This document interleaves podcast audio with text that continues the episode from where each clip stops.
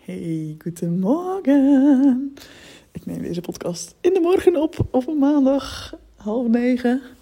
En ik heb zo'n nachtrust gehad dat je eigenlijk wel genoeg geslapen hebt, maar dat je net even in een verkeerde slaapcyclus wakker bent geworden. Ken je dat gevoel dat je...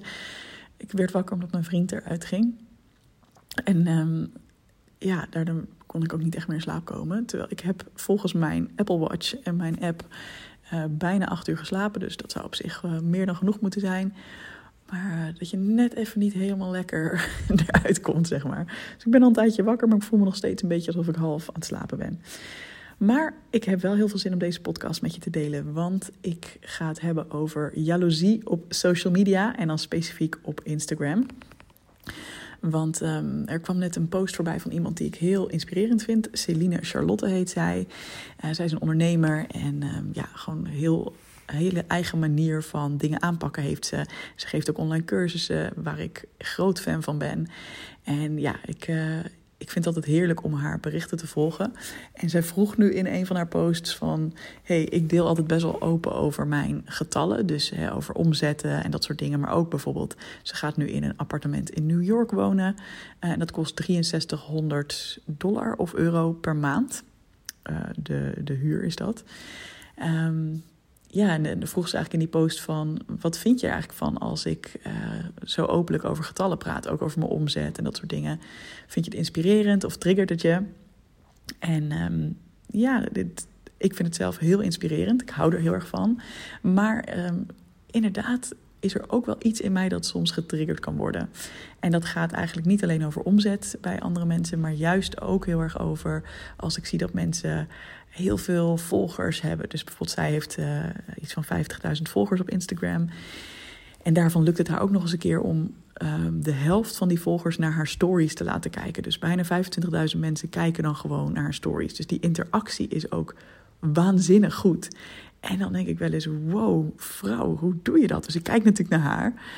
Um, en ja, het, doet dus altijd eigenlijk twee dingen met me. Um, het inspireert me heel erg. En soms ook, hè, of eigenlijk ook regelmatig, kan ik ook denken...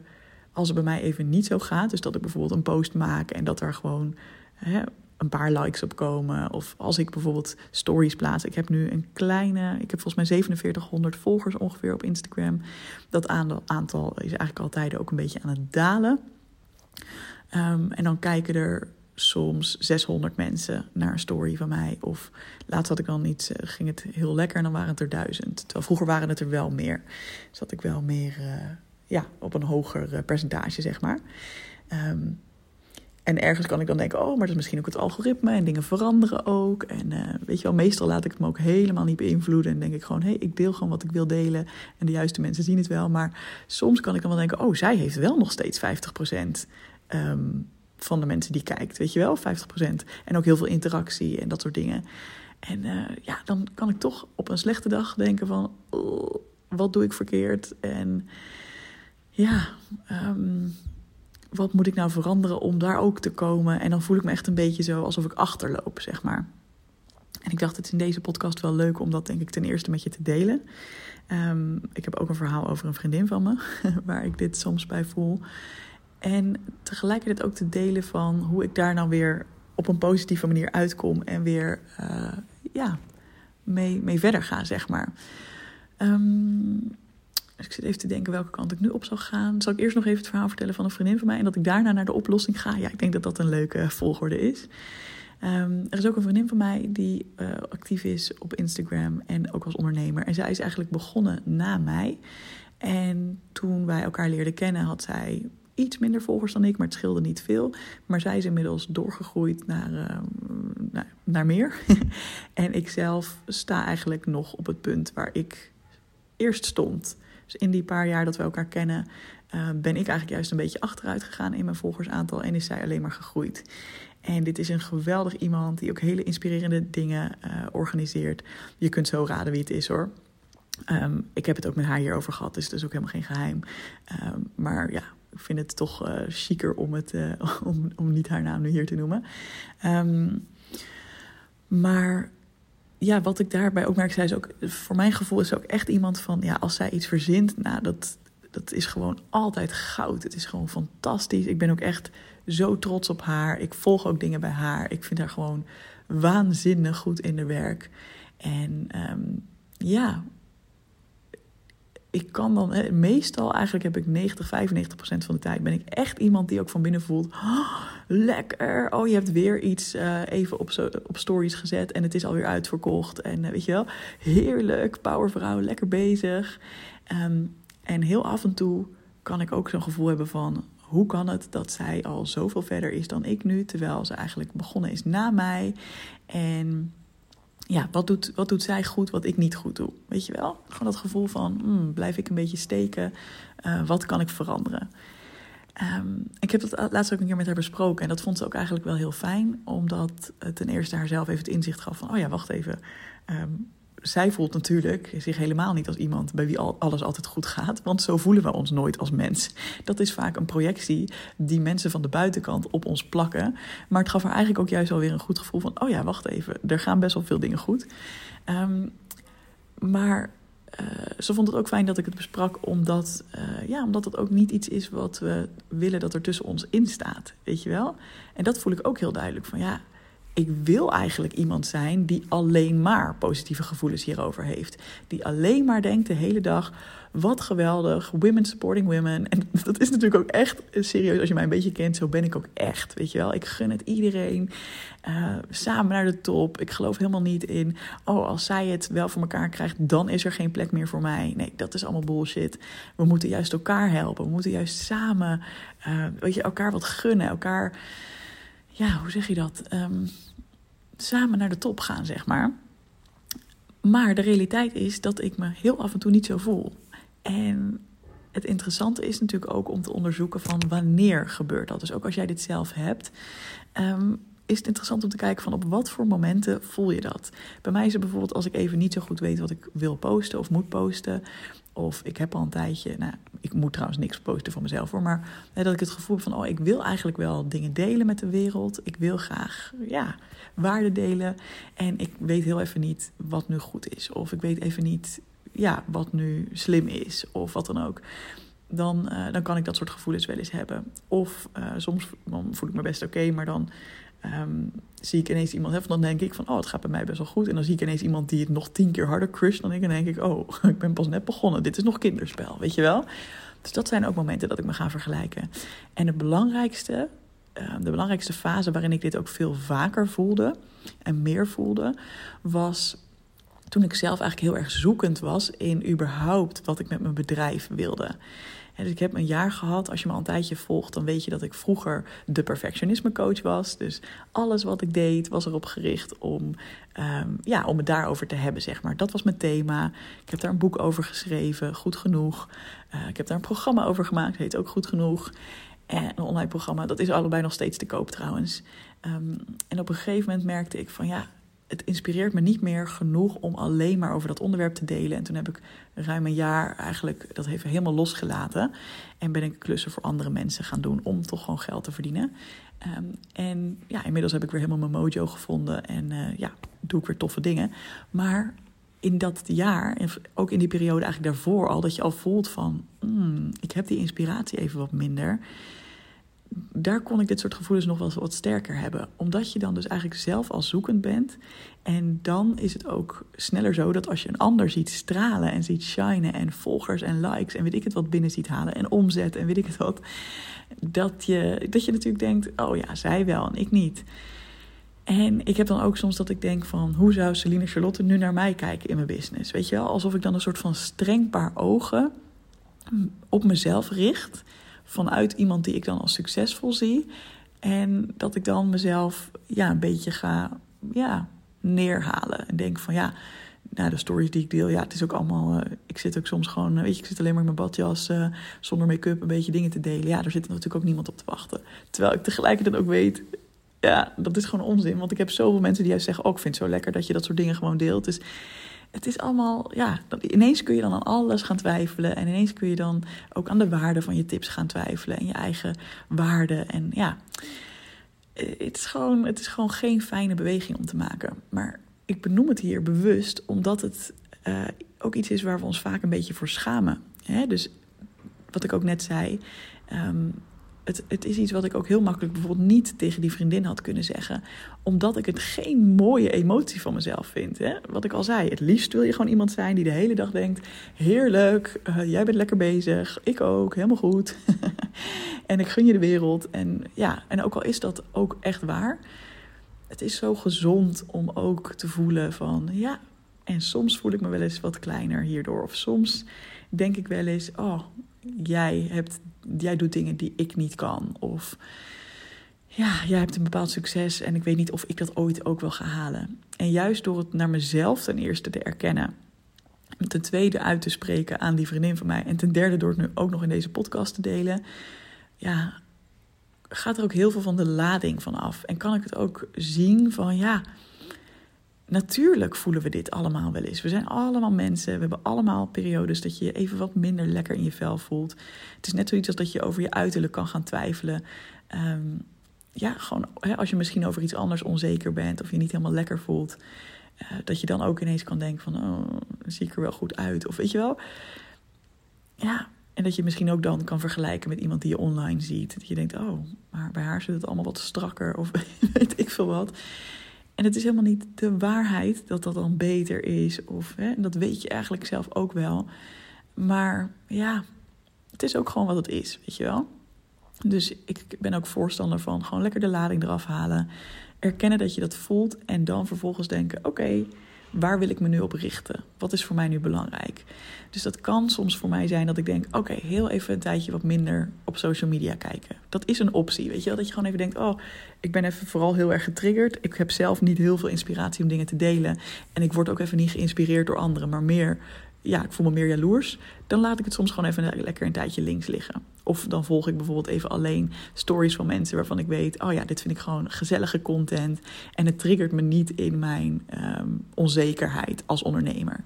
dus het kan ook zijn dat ik een tijdje even geen business podcast luister, omdat ik dan alleen maar denk: oh ja, ja uh, ik zou dit allemaal moeten doen, maar uh, ik heb er helemaal geen zin in, of geen energie voor, of geen inspiratie voor. Dan laat ik dat allemaal gewoon lekker even links liggen, weet je wel? Um, een andere focus kan ook zijn dat ik weer terugga naar maar nee, maar wacht eens even. Waarom doe ik eigenlijk wat ik doe? Ik doe dat ten eerste, hè, dus waarom deel ik bijvoorbeeld op Instagram of maak ik deze podcast of doe ik mijn werk? Um, een heel groot deel daarvan is voor mij ook dat ik het zo leuk vind om dingen te creëren. Ik vind het zo leuk om lessen te delen met anderen die ik zelf geleerd heb dus bijvoorbeeld, ik ben nu dan uh, bezig met de Perfectionisme Coach Academie. Dus daar doen 21 vrouwen aan mee. Het helemaal uitverkocht. uh, die allemaal uh, ofwel coach zijn of een ander beroep hebben. Of misschien coach willen worden. En die allemaal dat super leuk vinden om ook te leren van hoe kijk ik naar perfectionisme. En ja, wat zij daar eventueel uit mee kunnen nemen in hun praktijk, weet je, of in hun werk. En ook hoe ze zelf perfectionisme kunnen loslaten in hun werk. En um, ook mijn ondernemerslessen deel ik daar. En ik vind het gewoon zo heerlijk om te mogen delen en daarover te mogen vertellen. En niet vanuit ik weet het beter. En uh, als je deze cursus volgt, dan uh, word je nu miljonair. Want ik, ja, zo, daar, zo, sta ik er nooit helemaal in. Um, daar geloof ik ook niet helemaal in. Maar wel gewoon dat ik alles geef wat ik te geven heb op deze gebieden waar ik gewoon ervaring mee heb. Weet je wel? Daar word ik gewoon ook heel blij van. En dan het, het, raakt me ook heel erg dat de community daarin heel actief is. En dat ik daar allemaal interactie zie. We hebben een soort van online platform, members, waarin het programma staat. En daar zit ook de community in. En ik dacht van tevoren, ja, je moet wel sowieso een Instagram community hebben. Want dat is de plek waar mensen toch al heen gaan. En als je het ergens anders doet, dan wordt het nooit uh, uh, ja, interactief. Mensen doen dat dan gewoon niet. Nou, het is me echt, het verbaast me. Joh. Het ene na het andere bericht van die deelnemers vliegt eruit. Het zijn allemaal positieve, opbeurende berichten. Er wordt echt wat gecreëerd, weet je wel. Mensen delen dingen met elkaar. Mensen zijn open met elkaar. Mensen liften elkaar op. Dat is niet echt Nederlands, maar je snapt me. En dan denk ik, ja, dit is gewoon geweldig. Dit is gewoon geweldig. En net zo heb ik dat als ik eh, iets op Instagram deel. Ik vind het gewoon zo leuk ook om, ja, iets te maken, iets te delen. Dus ik ga gewoon terug naar de joy van het creëren zelf. En ik ga even weg bij hoeveel likes moet dit krijgen? Hoeveel reacties moet dit krijgen? En het is leuk als het dan uh, veel bekeken wordt en leuk als er veel interactie komt. Maar dat is uiteindelijk niet het primaire doel. Dat is meer een soort van lange termijn doel van hè, als ik vaker mezelf laat zien en als ik meer waarde deel, dan geloof ik erin dat ik op de lange termijn daar ook bijvoorbeeld klanten uithaal. Omdat mensen mij dan hebben leren kennen en denken: oh leuk, ik wil bij Evelien zijn. En ik noemde het net al, dat is ook hoe het gaat. Want ik kan dan heel erg naar anderen kijken van, oh, maar als jij doet, dan gaat het helemaal geweldig. Maar ik heb ook nu voor het eerst een nieuw programma gelanceerd. En er hebben gewoon 21 mensen besloten om mee te doen. Ik had eigenlijk besloten dat de limiet op 20 lag. Maar iemand is er nog uh, ja, doorheen gekomen. Fantastisch. en dan denk ik, ja, waar maak ik me nou helemaal druk om? Ik bereik blijkbaar de mensen. Want het zijn ook nog eens een keer dus hele leuke klanten allemaal. Dan denk ik, ja, ik bereik precies die mensen die ik wil bereiken. Dus ook al krijg ik misschien niet, heb ik niet tienduizenden volgers. En ook al heb ik niet duizend of honderd likes op mijn reels, waar ik mijn best op zit te doen. En ook al heb ik niet honderden reacties. Ik krijg wel reacties en interactie. En de reacties zijn juist van de mensen die ook echt geïnteresseerd zijn. En waar ik echt een superleuke band mee heb. En die dus ook nog eens een keer klant worden. Ja nou, meer kan ik niet vragen, toch? Dus als ik daar weer even op intune, denk ik, ja, geweldig. Ehm, ik doe het voor mezelf en ik doe het voor die mensen die het inspireert. En dat zijn er dan misschien op dit moment niet 10.000 of 100.000. En dat is helemaal oké. En wie weet groeit dat wel. Ehm, en je kan natuurlijk ook naar, naar een advertentiemodel gaan en dat soort dingen. Ik heb allemaal wel ideeën over hoe dat nog weer kan groeien als ik dat zou willen. Maar ja, ik blijf voorlopig gewoon ook lekker zitten in de joy van mijn creatie. En, ehm, ja, en het waarderen van de resultaten die er al wel zijn. Ehm, en nu wil ik hem naar jou toe doorvertalen, want misschien begin jij net met online zichtbaar zijn en heb jij nog niet dat soort resultaten.